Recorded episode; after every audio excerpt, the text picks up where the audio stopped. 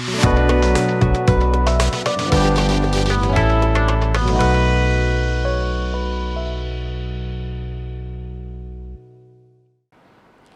္ဂလာပါရှင်မြန်မာပြည်သူပြည်သားအပေါင်းစိတ်ရချမ်းသာခြင်းကိုယ်ရည်ကျန်းမာခြင်းနဲ့ပြည့်စုံကြပါစေလို့ PPTV အဖွဲ့သားတွေကဆုတောင်းမြတ်တာပို့တာပါတယ်အခုတစ်ပတ်တွင်ဖြစ်ပေါ်ခဲ့တဲ့သတင်းတွေနဲ့ပတ်သက်ပြီးသတင်းအကျဉ်းချုပ်ကိုကျွန်မစင်စင်ကတင်ဆက်ပေးသွားမှာဖြစ်ပါတယ်ရှင်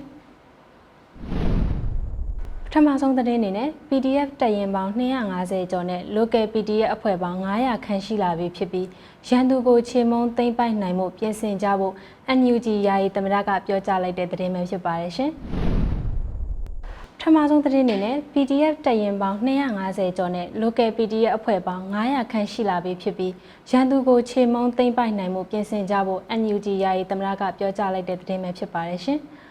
2022ခုနှစ်အတွင်းစစ်ရေးတိစောက်မှုမှာပြည်သူ့ကာကွယ်ရေးတပ် PDF တပ်ရင်းပေါင်း258ရင်းခန့်နဲ့ကာကွယ်ရေးဝန်ကြီးဌာန MOD နဲ့ချိတ်ဆက်ဆောင်ရွက်နေတဲ့ local PDF အဖွဲ့ပေါင်း900ခန့်ရှိလာပြီဖြစ်ပြီးရန်သူကိုချေမုံသိမ့်ပိုက်နိုင်မှုပြင်ဆင်ကြဖို့အမျိုးသားညီညွတ်ရေးအစိုးရယာယီသမရဒူဟာလက်ရှိလာကဇွန်လ14ရက်မှာပြုလုပ်တဲ့58ကြိမ်မြောက်အစိုးရအဖွဲ့အစည်းမှာပြောကြားခဲ့ပါတယ်။မနှစ်တုန်းကတော့ formation ကိုတော်တော်လှုပ်ဆောင်ခဲ့ပြီးဖြစ်တဲ့အတွက် 2022ခုနှစ်ကိုတော့ကျွန်တော်တို့စစ်ရေးနဲ့ကြံတဲ့ကိစ္စရက်များမှာအခြေခံအောင်တိစောက်တဲ့ကာလဖြစ်တဲ့အာရော်စွာ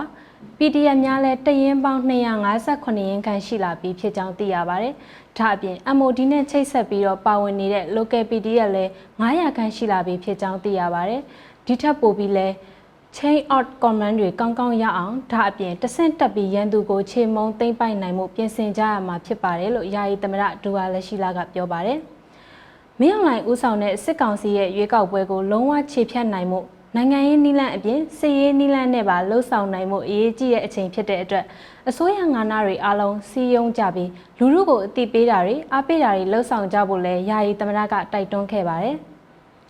အဲ့ဒီအစည်းအဝေးမှာပြည်အောင်စုဝန်ကြီးချုပ်မန်းဝင်းခိုင်တန်းကလည်းအခက်ခဲတွေဘလောက်ရှိရှိရင်ဆိုင်ကြော်လွှားဖို့အသင့်ဖြစ်နေတဲ့အညာဒေသကကျွန်တော်တို့ပြည်သူတွေရဲ့ဇွဲတက်တီတွေဟာကျွန်တော်တို့တော်လှန်ရေးအတွက်တကယ့်ကိုအင်အားဖြစ်စေရကြောင်းအလွန်ကုန်ယူကြောင်းလည်းပြောကြားလိုပါတယ်။ဒါကြောင့်ဂျာကာလာဒေသရပြည်သူ့အုပ်ချုပ်ရေးကော်မတီမှာပါဝင်ဆောင်ရွက်နေကြတဲ့ဝန်ကြီးဌာနအသီးသီးအနေနဲ့လိုအပ်ချက်တွေကိုအထူးအာရုံစိုက်ဆောင်ရွက်ပေးကြဖို့လည်းမြစ်တာရက်ခံလိုပါတယ်လို့ပြောကြားခဲ့ပါတယ်ရှင်။ ဆက်လက်တင်ဆက်ပေးမယ့်သတင်းကတော့ကာလာတူဖြည့်ရှင်းမှုနီလန်အားလုံးက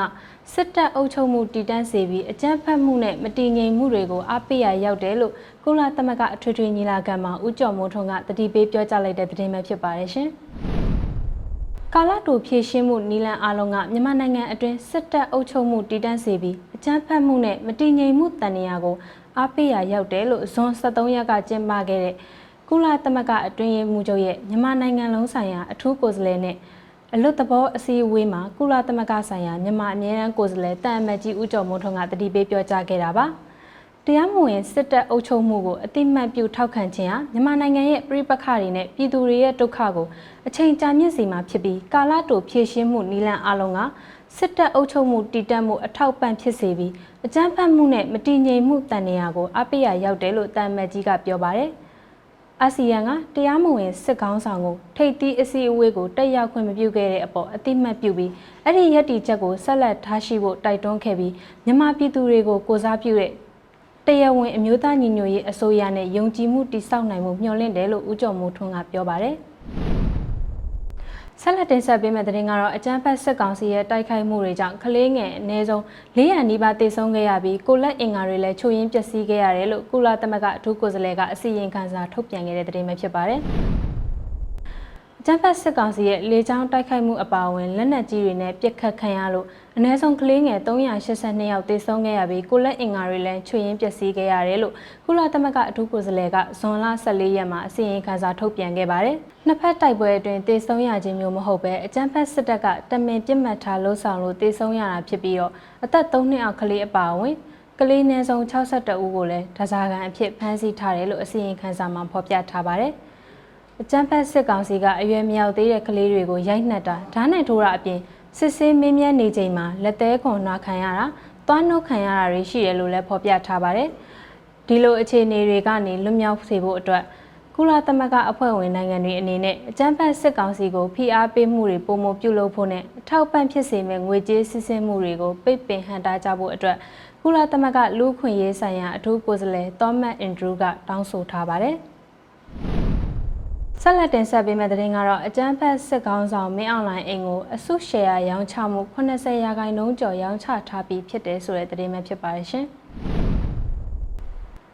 အချမ်းဖတ်စစ်ကောင်းဆောင်မင်းအောင်လှိုင်မတရားသိမ်းယူထားတဲ့အင်အားလန်းကခြံအမှတ်14နေအိမ်ကိုအစုရှယ်ယာရောင်းချလျက်ရှိရာလက်ရှိအချိန်မှာ80ရာခိုင်နှုန်းကျော်ရောင်းချထားပြီးဖြစ်တယ်လို့ The End of Dictatorship EOD ကထုတ်ပြန်လိုက်ပါတယ်။ မင်းအောင်လှိုင်မတရားရယူပိုင်ဆိုင်ထားတဲ့ရန်ကုန်မြို့အင်အားလန်းခြံအမှတ်14ကို EOD ရှယ်ယာများအဖြစ်ရောင်းချလာခဲ့တာအခုဆို80ရာခိုင်နှုန်းကျော်ရောင်းချပြီးသွားပြီဖြစ်လို့မကြခင်အလုံးရောင်းချပြီးတော့မှဖြစ်ပါတယ်။ဈေးကွက်ပေါက်ဈေးအတိုင်းရှယ်ယာတသိန်းသာတတ်မှတ်ရောင်းချသွားမှာဖြစ်တာကြောင့်ရှယ်ယာတသိန်းကုန်တာနဲ့အင်အားလန်းချန်မတ်14ရှယ်ယာများရောင်းချခြင်းကိုလုံးဝရပ်ဆိုင်းလိုက်မှာဖြစ်ပါတယ်လို့ The Unaudited EOD ကပြောပါတယ်။အဲ့ဒီအင်အားလန်းနေအင်အားရောင်းချပြီးရင်အခြားအကြမ်းဖက် စစ်ကောင်စီခေါင်းဆောင်တွေမတရားရယူထားတဲ့အိမ်နဲ့အဆောက်အုံတွေကိုလည်းတစ်ခုချင်းကြိုးပွိုင်းစနစ်နဲ့ရောင်းချပြီးတော်လန်ရေးအတွက်အရေးတကြီးလိုအပ်နေတဲ့ဗန္နာရန်ပုံငွေကိုဆက်လက်ရှာဖွေသွားမှာဖြစ်တယ်လို့ဖော်ပြထားပါတယ်ရှင်။အမျိုးသားညီညွတ်ရေးအစိုးရစီမံကိန်းဗဏ္ဍာရေးနဲ့ယင်းနှိမ့်မြုပ်နှံမှုဝန်ကြီးဌာနကအာဏာရှင်ရဲ့အဆုံးသတ်ညီကုန်း The Unauditorship ကိုလှုပ်ဆောင်နေတာဖြစ်ပြီးအကြမ်းဖက်စစ်ကောင်စီခေါင်းဆောင်တွေမတရားရယူထားတဲ့အိမ်ချမ်းမြေတွေကိုအစုရှယ်ယာအနေနဲ့ရောင်းချပြီးတော်လန်ရေးဗဏ္ဍာရန်ပုံငွေရှာဖွေနေခြင်းဖြစ်ပါတယ်။ ဆက်လက်တင်ဆက်ပေးမယ့်သတင်းကတော့မင်းအောင်လှိုင်အာဏာသိမ်းလိုက်လို့မြမစီးပွားရေးအခြေအနေခံမှန်းမရတဲ့အထိဆိုးရွားသွားပြီးကမ္ဘာ့ဘဏ်ကမြန်မာစီးပွားရေးအခြေအနေကိုအစီရင်ခံစာတွေကဖယ်ထုတ်လိုက်တဲ့သတင်းပဲဖြစ်ပါတယ်ရှင်။အကြမ်းဖက်ခေါင်းဆောင်မင်းအောင်လှိုင်အာဏာသိမ်းပြီးတဲ့အချိန်ကစလို့မြန်မာစီးပွားရေးကခံမှန်းမရတဲ့အနေအထားထိဆိုးရွားသွားတဲ့အတွက်ကမ္ဘာ့ဘဏ်ကမြန်မာနိုင်ငံကိုအစီရင်ခံစာတွေကနေဖယ်ထုတ်လိုက်ပြီလို့ဖော်ပြခဲ့ပါတယ်။ ကမ္ဘာ့ဘဏ်ကနှစ်စဉ်ကမ္ဘာလုံးဆိုင်ရာစီးပွားရေးသုံးသပ်မှုအစီရင်ခံစာကိုထုတ်ပြန်လျက်ရှိရာလက်ရှိနှစ်အပါအဝင်2023ခုနှစ်နဲ့2024ခုနှစ်အတွက်မြန်မာစီးပွားရေးအခြေအနေကမြေယာမှုတွေဖြစ်နေတာကြောင့်အစီရင်ခံစာတဲ့မထည့်တော့ပဲဖယ်ထုတ်လိုက်ရတယ်လို့ကမ္ဘာ့ဘဏ်ကထုတ်ပြန်ထားတာပါကမ္ဘာ့ဘဏ်ရဲ့အစီရင်ခံစာရဲ့မြန်မာစီးပွားရေးတိုးတက်မှုနှုန်းတွေဖော်ပြချက်ကိုနှင်းလိုက်ကြည့်မယ်ဆိုရင်2014ခုနှစ်မှာ8.5ရာခိုင်နှုန်း2015ခုနှစ်မှာ9ရာခိုင်နှုန်း2016 ခုနှစ်မှာကမ္ဘာစီးပွားရေးတိုးတက်မှုနှေးကွေးတဲ့နှစ်ဖြစ်ပေမဲ့လည်းမြန်မာစီးပွားရေးက8.6ရာခိုင်နှုန်းအထိတိုးတက်လာခဲ့တာပါ2019ခုနှစ်မှာမြန်မာစီးပွားရေးတိုးတက်မှုနှုန်း6.8ရာခိုင်နှုန်း2018ခုနှစ်မှာ6.2ရာခိုင်နှုန်း2019ခုနှစ်မှာ6.4ရာခိုင်နှုန်းတို့ရှိခဲ့တာပါ2020ကိုဗစ်ရောဂါဖြစ်ပွားချိန်မှာ မြမစီးပွားရေးတိုးတက်မှုနှုန်းကရပ်တန့်ခဲ့ရပြီး2021ခုနှစ်အာဏာသိမ်းခံလိုက်ရချိန်မှာတော့မြမစီးပွားရေးကအနှုတ်18ရာခိုင်နှုန်းအထိထိုးဆင်းသွားတာတွေ့ရပါတယ်။တောက်လျှောက်တက်လာခဲ့တဲ့မြမစီးပွားရေးကမင်းအွန်လိုင်းအာဏာသိမ်းပြီးချိန်မှာအနှုတ်18ရာခိုင်နှုန်းအထိကျဆင်းခဲ့ရတယ်လို့လက်ရှိနှစ်အတွက်ဆိုရင်ခံမှန်းနိုင်တဲ့အခြေအနေမှာမရှိတော့ဘဲကမ္ဘာအစီရင်ခံစာအလဲကနေကိုဖက်ထုတ်လိုက်ရတဲ့အခြေအနေအထိဖြစ်လာခဲ့တာပါဆက်လက်တင်ဆက်ပေးမယ့်သတင်းကတော့အကြမ်းဖက်စစ်ကောင်စီက6လအတွင်း ရာဇဝတ်မှုပေါင်း3000နီးပါးအထိပြည်သူတွေအပေါ်ကျူးလွန်ခဲ့တယ်လို့အမျိုးသားညီညွတ်ရေးအစိုးရကထုတ်ပြန်လိုက်တဲ့သတင်းဖြစ်ပါတယ်။အကြမ်းဖက်စစ်ကောင်စီကပြည်သူတွေအပေါ်စစ်ရာဇဝတ်မှုတွေကျူးလွန်တာနောက်ဆုံး6လအတွင်းပြစ်မှုပေါင်း3000နီးပါးအထိတွေ့ရှိရတယ်လို့အမျိုးသားညီညွတ်ရေးအစိုးရပြည်ထရေးနဲ့လူဝင်မှုကြီးကြပ်ရေးဝန်ကြီးဌာနကဇွန်လ10ရက်မှာထုတ်ပြန်လိုက်ပါတယ်။ ထုတ်ပြန်ချက်ထဲမှာ2021ခုနှစ်ဒီဇင်ဘာ1ရက်နေ့ကနေ2022ခုနှစ်မေလ31ရက်နေ့အထိ6လအတွင်းမှာအကြမ်းဖက်စစ်ကောင်စီကပြည်သူလူထုအပေါ်အကြမ်းဖက်စစ်ရာဇဝတ်မှုပေါင်း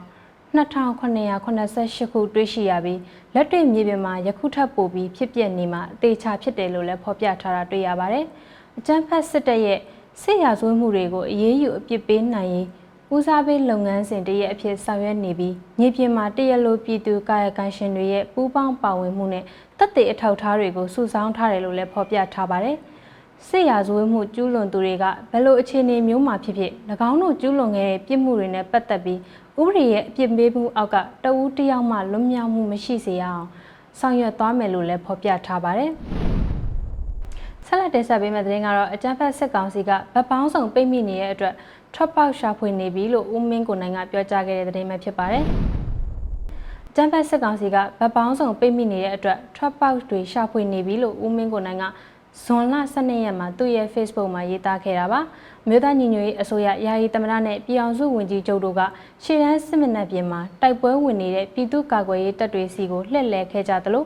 ကာကွယ်ရေးဝန်ကြီးကလည်းနိုင်ငံတကာကိုလက်နက်ထောက်ပံ့မှုအတွက် တရားဝင်တောင်းဆိုမှုတွေပြုလုပ်လိုက်တာကအကြမ်းဖက်စစ်တပ်ကိုကြာရှုံးစေတယ်လို့ဆိုထားပါတယ်။ဒီလိုဖြစ်ရပ်တွေကြောင့်အကြမ်းဖက်စစ်တပ်ကမရှင်နိုင်တဲ့အနေအထားမှာရွာတွေကိုဝင်အိမ်တွေကိုမီးရှို့ဝမ်းစာစပားတွေကိုမီးရှို့အဆရှိရဲ့ဖျက်ဆီးမှုတွေကိုလှုံ့ဆော်ခဲ့ကြတယ်လို့ဦးမင်းကုန်နိုင်ကရေးထားတာပါ။ဆိုင်ငယ်တော့မပေးမှုနဲ့ရွာသားတွေကိုထွက်ပြေးခိုင်းပြီးနောက်ကနေတနတ်တွေနဲ့စိန်ပြေနေပြေးဖြစ်တယ်။တကယ်ကဘာကျော်ကီလင်ဖီဖြစ်ရမှန်စကားကိုတတိယစရာပဲ။ဘာကြောင့်ကဘာမှတ်တမ်းဝင်ရိုင်းဆိုင်ကြမ်းကြုတ်မှုကိုကျူးလွန်ခဲ့တယ်လဲ။ ကြောက်စေခြင်းလို့ပေါ့အကြောက်တရားနဲ့အညံ့ခံအောင်ပေါ့ပြည်သူမြတ်တာမြင်ရတဲ့လူတွေကအကြောက်တရားတစ်ခုတည်းပဲစဉ်းစားတတ်တော်တယ်။ကိုယ်တိုင်ကကြောက်ဖို့ပဲသိတယ်လို့သူတစ်ပါးကိုလည်းကြောက်စေချင်တာပဲသိတယ်။ဉာဏ်ပညာမသိဘူး။ချစ်ချင်းမြတ်တာတန်မိုးကိုလက်မခံဘူးလို့ဦးမင်းကိုနိုင်ကရေးထားတာပါ။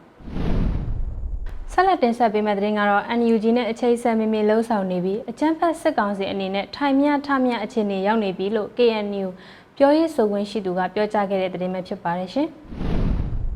မြို့သားညီညွတ်ရေးအစိုးရနဲ့အချိတ်ဆက်မိမိလှုပ်ဆောင်နေပြီးတော့လက်ရှိအချိန်မှာအကြမ်းဖက်စစ်ကောင်စီကထိုင်မြထမြတဲ့အနေအထားကိုရောက်နေပြီလို့ကရင်မျိုးသားစီယုံ KNU ရဲ့ပြောရေးဆိုခွင့်ရှိသူ Pro Sordoni ကလူလူຫນွေဦးနဲ့အင်တာဗျူးမှာသုံးသပ်ပြောဆိုခဲ့ပါတယ်။ကျွန်တော်တို့ကဟန်ချက်ညီညီလုပ်ရမယ့်အပိုင်းတွေကစီရေးတစ်ခုတည်းမဟုတ်ပါဘူး။တန်တမန်ရေးရာဘက်မှာလည်းကျွန်တော်တို့ပြင်ဆင်ထားတာရှိသလိုနိုင်ငံရေးရာကိစ္စမှာရောစီးပွားရေးပိတ်ဆို့မှုအပိုင်းမှာရောဒီထက်အရှိန်မြင့်ဖို့လိုတယ်။ စီရေးမှာတော့ပြောစရာမရှိပါဘူး။ဒါကလှုပ်ဝက်ရမယ့်အပိုင်းဆိုတော့ဘာမှပြောစရာမရှိပါဘူး။ဆက်လုပ်စရာရှိရာဆက်လုပ်သွားမှာပဲဟန်ချက်ညီညီအထူးသဖြင့်အချိတ်ဆက်မိမိနဲ့လှုပ်ဆောင်သွားမှာပဲလို့ပရိုဆော်တိုနီကပြောကြားလိုက်တာပါ။အကြံဖတ်စစ်ကောင်စီကအဘက်ဘက်မှာရှုံးလို့နေတဲ့အတွက်တိုင်းရင်းသားတော်လှန်ရေးလက်နက်ကိုင်အဖွဲ့အစည်းတွေကိုငြိမ်းချမ်းရေးဆွေးနွေးဖို့အကြိမ်ကြိမ်ဖိတ်ခေါ်နေတယ်လို့လည်းမှတ်ချက်ပြုထားတာတွေ့ရပါတယ်။ ကျန်းဖက်စစ်ကောင်စီအနေနဲ့ဆက်ပြီးတော့မိုင်လုံးကြီးနေအောင်မယ်ဆိုရင်ပြည်သူတွေရဲ့ဒဏ်ခတ်မှုကိုမလွဲမသွေခံရမှာဖြစ်တယ်လို့လည်းပရိုဆော်ဒေါနီကပြောပါတယ်။အခုနောက်ဆုံးတင်ဆက်ပေးမယ့်သတင်းကတော့အကြမ်းဖက်စစ်ကောင်စီတပ်သားတွေရခိုင်တပ်တော် AA ဘက်စီလာရောက်ခိုလုံမှုများပြားနေရဆိုတဲ့သတင်းပဲဖြစ်ပါတယ်ရှင်။ကျန်းဖက်စစ်ကောင်စီရဲ့တပ်သားတွေရန်နေချီပြီးရခိုင်တပ်တော် AA ဘက်စီလာရောက်ခိုလုံမှုများပြားနေရလို့ရခိုင်တပ်တော် AA ရဲ့ပြောရေးဆိုခွင့်ရှိသူခိုင်တုခကဇွန်လ14ရက်ကပြုလုပ်တဲ့သတင်းစာရှင်းလင်းပွဲမှာပြောကြားလိုက်တာပါထွက်ပြေးခိုလုံလာသူအရေးအတွက်ကိုအတိအကျမပြောခဲ့ပေမဲ့လည်းလာရောက်ခိုလုံသူတွေကိုအတက်နိုင်ဆုံးလူသားချင်းစာနာထောက်ထားမှုနဲ့ကူညီပေးထားပြီးနေထိုင်စရာနေရာချထားပေးမှုတွေလှုံ့ဆော်ထားတယ်လို့လည်းဆိုပါတယ်။ ကျန်းဖက်စစ်ကောင်စီကရခိုင်ပြည်နယ်အတွင်းမှာထိုးစစ်တွေစတင်မှုပြင်ဆင်နေတယ်လို့လည်းထည့်သွင်းပြောကြားခဲ့ပြီးအခုထက်ရန်လိုတဲ့အပြုတ်မှုတွေလှုံ့ဆော်လာမယ်ဆိုရင်တော့ဆက်ဆံရေးအခြေအနေပိုပြီးတော့ဆိုးရွားသွားမှာဖြစ်တယ်လို့တတိပေးစကားပြောကြားလိုက်ပါတယ်။စကားဆအစိုးရဘက်ကငြိမ်းချမ်းနေတဲ့ရခိုင်ပြည်ကိုနောက်ထပ်စစ်စင်ရေးတစ်ခုကိုကြိုတင်ပြင်ဆင်နေတာကိုတွေ့မြင်နေရတယ်လို့ရခိုင်တပ်တော် AA ရဲ့ပြောရေးဆိုခွင့်ရှိသူခိုင်တုခကပြောပါတယ်။ ကျန်းဖက်စစ်ကောင်စီကရခိုင်ပြည်နယ်အတွင်းမှာစစ်ရေးလှုပ်ရှားမှုကိုခက်စိတ်စိတ်ပြုလုပ်လာနေပြီးလက်နက်ကြီးတွေနေရာရွှေ့ပြောင်းတာအပါအဝင်ရင်းကုန်တင်မောကိုရခိုင်ပိုင်နယ်အတွင်းနေရာချထားမှုတွေပြုလုပ်နေတာပါဒါကတော့တပတ်တွင်းဖြစ်ပေါ်ခဲ့တဲ့သတင်းကျဉ်းချုပ်ကိုတင်ဆက်ပေးခဲ့တာပဲဖြစ်ပါတယ်ကျေးဇူးတင်ပါတယ်ရှင်